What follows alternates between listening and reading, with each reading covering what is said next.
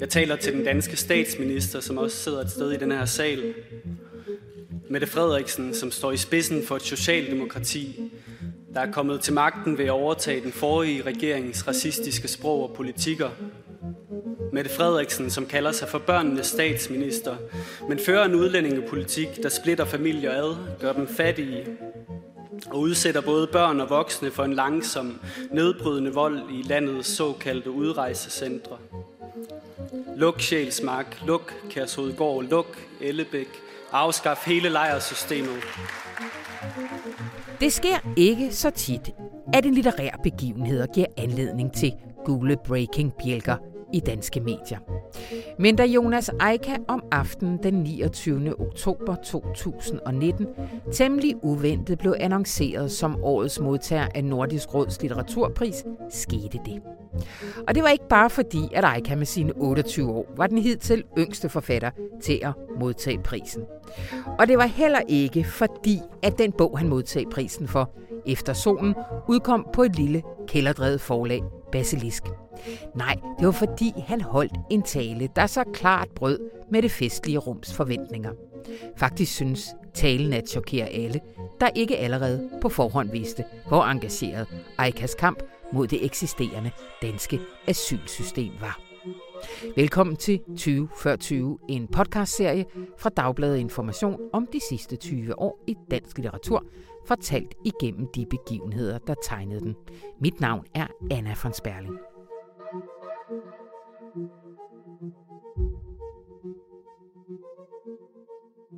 Og velkommen til Tue Andersen Eksø. Tak. Øh, det er en af to og måske flere begivenheder, du har valgt at øh, pege på i 2019. Ja, eller vi har valgt. I har valgt, det er rigtigt. Det er en artikel, jeg har skrevet sammen med min kollega Kesaja Ulrike Rute Mogensen. Øh, Korrekt. Øh, det er svært at skrive historie om det år, man står i. Ja, det, det er det. Der, der sker lidt for meget, ikke? og man kan ligesom se alle øh, nytårsraketterne på én gang, og ikke kun de største. Øhm. ja. Godt, men det er alligevel, skal vi ikke sige, det er den største alligevel? De er, jo, altså... Det ved vi ikke. Vi, lige nej, nu, vi ved ikke, hvordan nu, vi ser på nej, det om to nej, år. Nej, vi ved ikke, hvordan vi ser på det senere, men det føltes i hvert fald som en, som en, som en, en gedigen begivenhed, da Jonas Eika øh, øh, modtog Nordisk Råds litteraturpris og valgte at skille med Frederiksen hedder jeg fra, øh, fra, fra festsalen. Ja. Fra øh, før vi kommer til talen, kan du ikke lige øh, to ord om Jonas Eika? Jo, altså Jonas Eika er jo en øh, rigtig ung, en meget ung dansk forfatter. Han er 28 år, måske han er lige blevet 29, øh, som i 2018 øh, udgav øh, novellesamlingen Efter solen, øh, hans anden bog, øh, og udgav den på det lille forlag øh, Basilisk. Og Efter solen er viste sig meget hurtigt. Altså, den fik en uh, fuldstændig overvældende modtagelse mm. og har vundet en række priser. Øhm, og den viste sig meget hurtigt at være sådan et af de her sådan definerende værker for, ja. for, øh, for en periode eller sådan noget. Ikke? Og, og også et værk, der ligesom øh, for alvor markerede eller synliggjorde en ny retning, øh, dansk litteratur øh, kunne gå i. Ikke? Fordi den er den er skrevet i sådan en mærkelig blanding af noget sci-fi-agtigt, mm. øh, nogle blandinger af, af, af ligesom meget sådan enormt lækker, enormt velformuleret sprogligt, og enormt sådan, i virkeligheden vil, vil, vil, vil prosaen gerne dvæle ved, ved tingene og ved øjeblikket, mm. men samtidig foregår den i, i sådan nogle fuldstændig vilde universer, øh, hvor øh, Beach Boys, altså dem her, der går rundt på strandene i Mexico eller sådan noget, og sælger services til, til, til turisterne, de gennemfører mærkelige ritualer om natten og genopliver hinanden ved at, ved at, at ramse, synge sange og penetrere hinanden analt med parasolstænger. Og så er sådan helt utrolige scenarier. Mm. Ikke? Og, den, øh, og det er samtidig en, en, en novellesamling, som som ligesom ikke bare er enormt velskrevet og enormt mærkelig, men jo også indeholder en eller anden en ambition om at, at, at, at ville sige noget øh, nyt om den verden, vi lever mm. i, nemlig at vi lever i en verden, hvor de grundlæggende energistrømme, de ikke længere nødvendigvis er dem, der kommer fra solen, ja. men af dem, der kommer fra andre kilder. Ikke? Øh, så øh, i, den, i de her noveller om Beach Boys, der handler det meget om, at de vil, de vil unddrage sig soløkonomien, som der står. Mm. Altså den økonomi, som, som selvfølgelig knytter sig til det, turismen, men også den økonomi, der ligesom gennemstrømmer den eksisterende verden, og så vil de mm. finde frem til nye energikilder sammen, ikke? og det er så de her natteritualer og sådan noget. Så, så ideen om, at vi lever i en verden, der er gennemstrømmet af en bestemt øh, logik, og den logik er fyldt med uretfærdigheder, og her har man så beskrivelser, vilde beskrivelser af mulige fællesskaber, der prøver at unddrage sig mm. den logik. Det føltes meget nyt og visionært ja. i virkeligheden.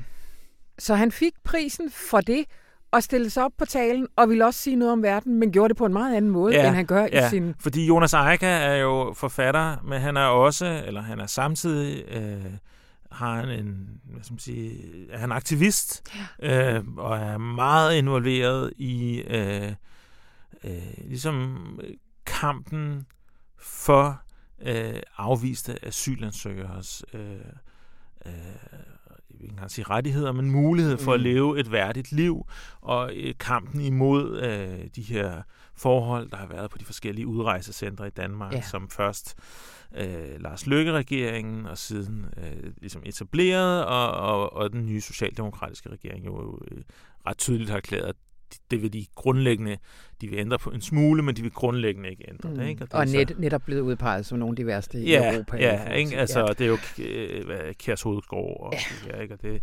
Øhm, og det har han øh, været meget politisk aktiv i. Altså også på, øh, på, i den her aktivistiske form, hvor det ikke handler om at skrive læserbrev, men handler om at øh, indsamlinger, og det handler om øh, at organisere protester mm, og, mm, øh, og mm.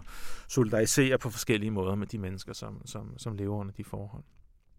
Øh, og så brugte han så den her øh, pristale, som øh, vinderen jo altid holder, øh, aktivistisk, til at, at, at, at komme med nogle politiske udsagn om, om, øh, om øh, hvordan Danmark behandler asylansøgere og afviste asylansøgere. Ja.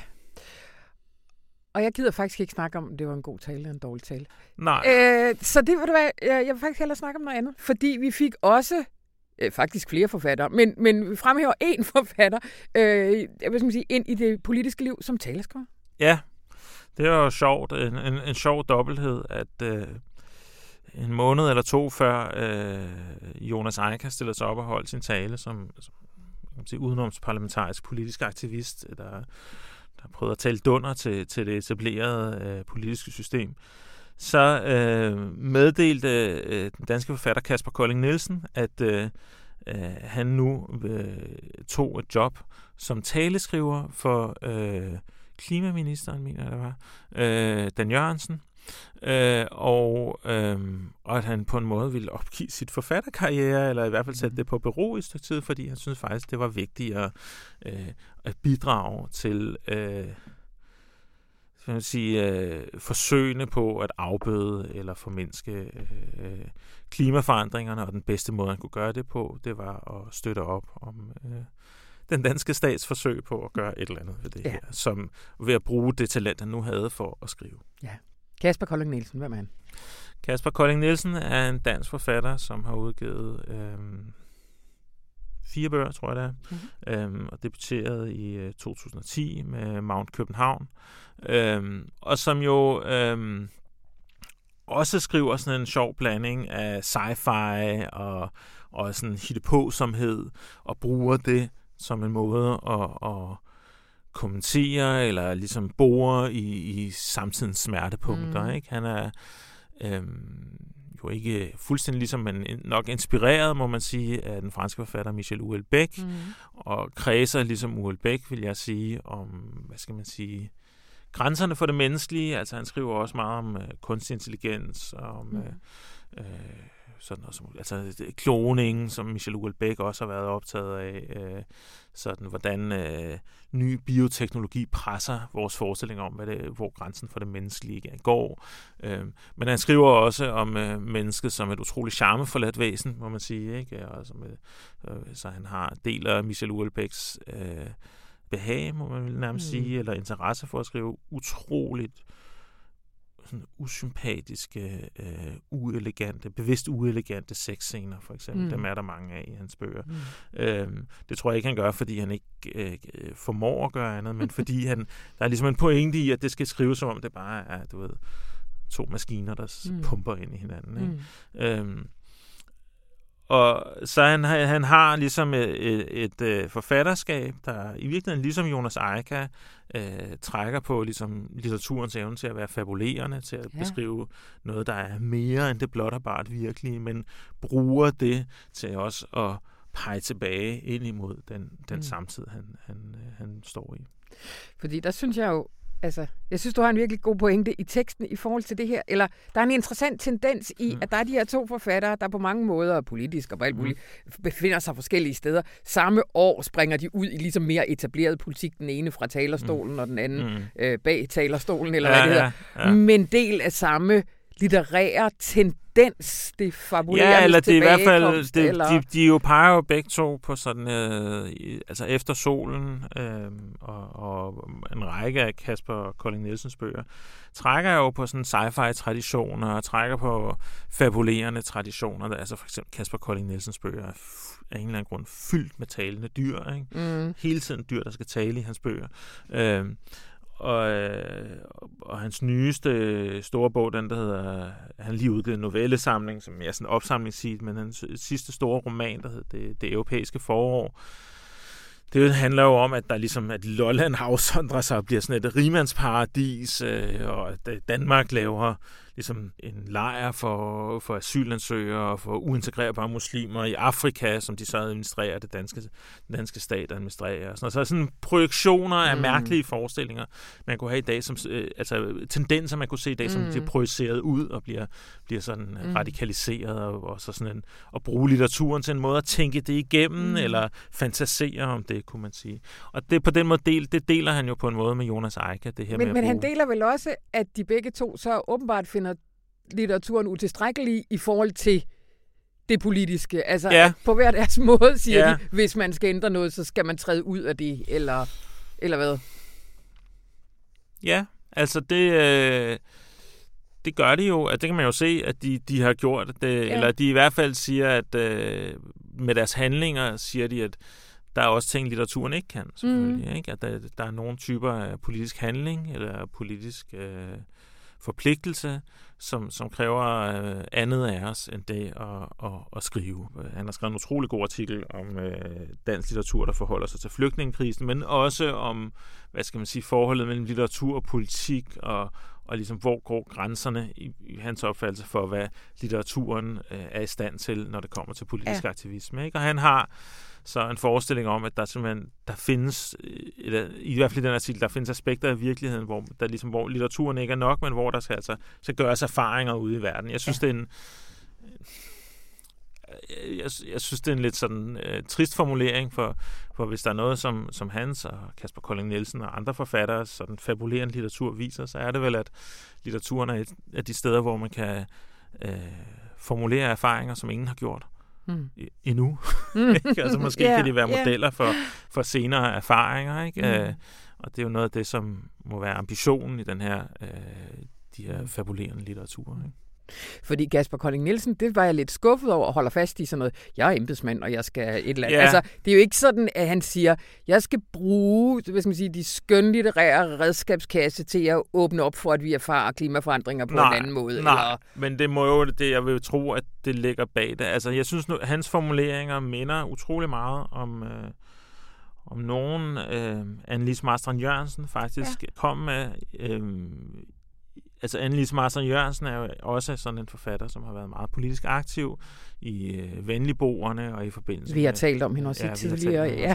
men, men, men det sjove er, at det ser man ikke særlig meget i hendes øh, litterære forfatterskab. Altså, mm. Da hun har skrevet mm. en børnebog, der handler om en, en flygtning, men ellers så fylder spørgsmål om, om flygtning og asylansøgere ikke særlig meget i hendes forfatterskab. Men hun sagde, blev interviewet i 2015 om, øh, hvorfor hun, hvad, hvad, hvad der havde drevet hende til det her engagement, om der var noget særligt, som gjorde, at forfatter var forpligtet til det. Og hun sagde mere, parafraserer jeg, nej, det er mere som borger, jeg er forpligtet, men som mm. borger må jeg jo bruge de redskaber, jeg har, og jeg er god til sådan noget med sprog, og så må jeg jo bruge det til at skrive om det her. Ikke?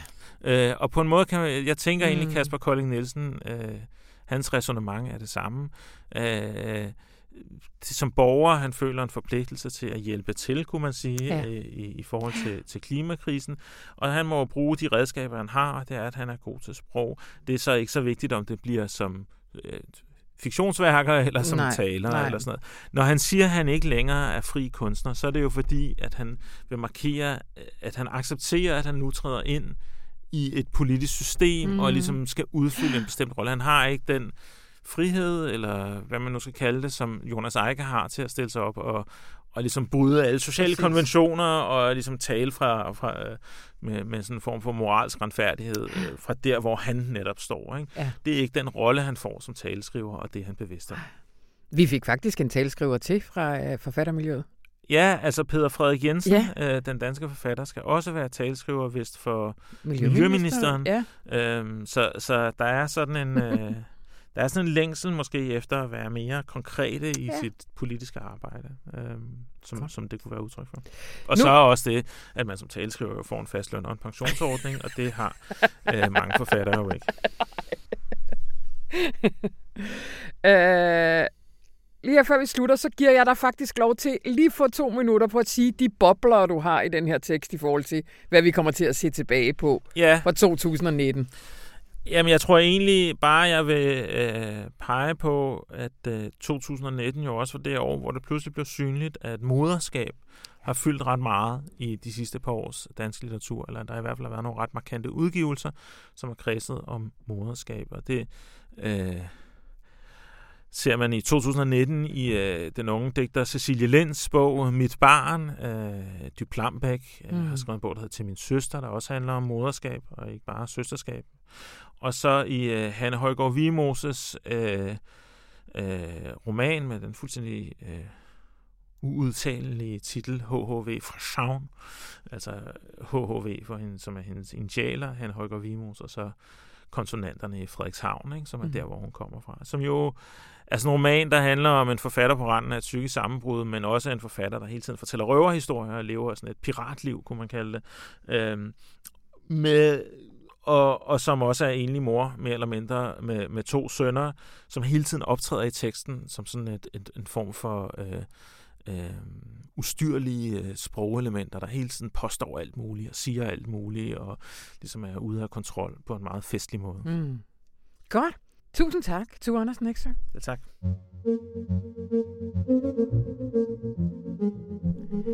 Det var 20 før 20 for denne gang. Lyt endelig med næste gang. Og læs også med, fordi Informationsforlag har udgivet en bog af samme navn, hvor de tre anmeldere går meget mere i dybden, end vi kan nå her. Du kan købe den på butik.information.dk. Og er du abonnent på avisen, så får du 15% i rabat. Og er du ikke, så kan du skynde dig ind og skrive dig op til en måned gratis, så får du ligeledes rabatten. Mit navn det er Anna von Sperling. Tak fordi du lyttede med. thank you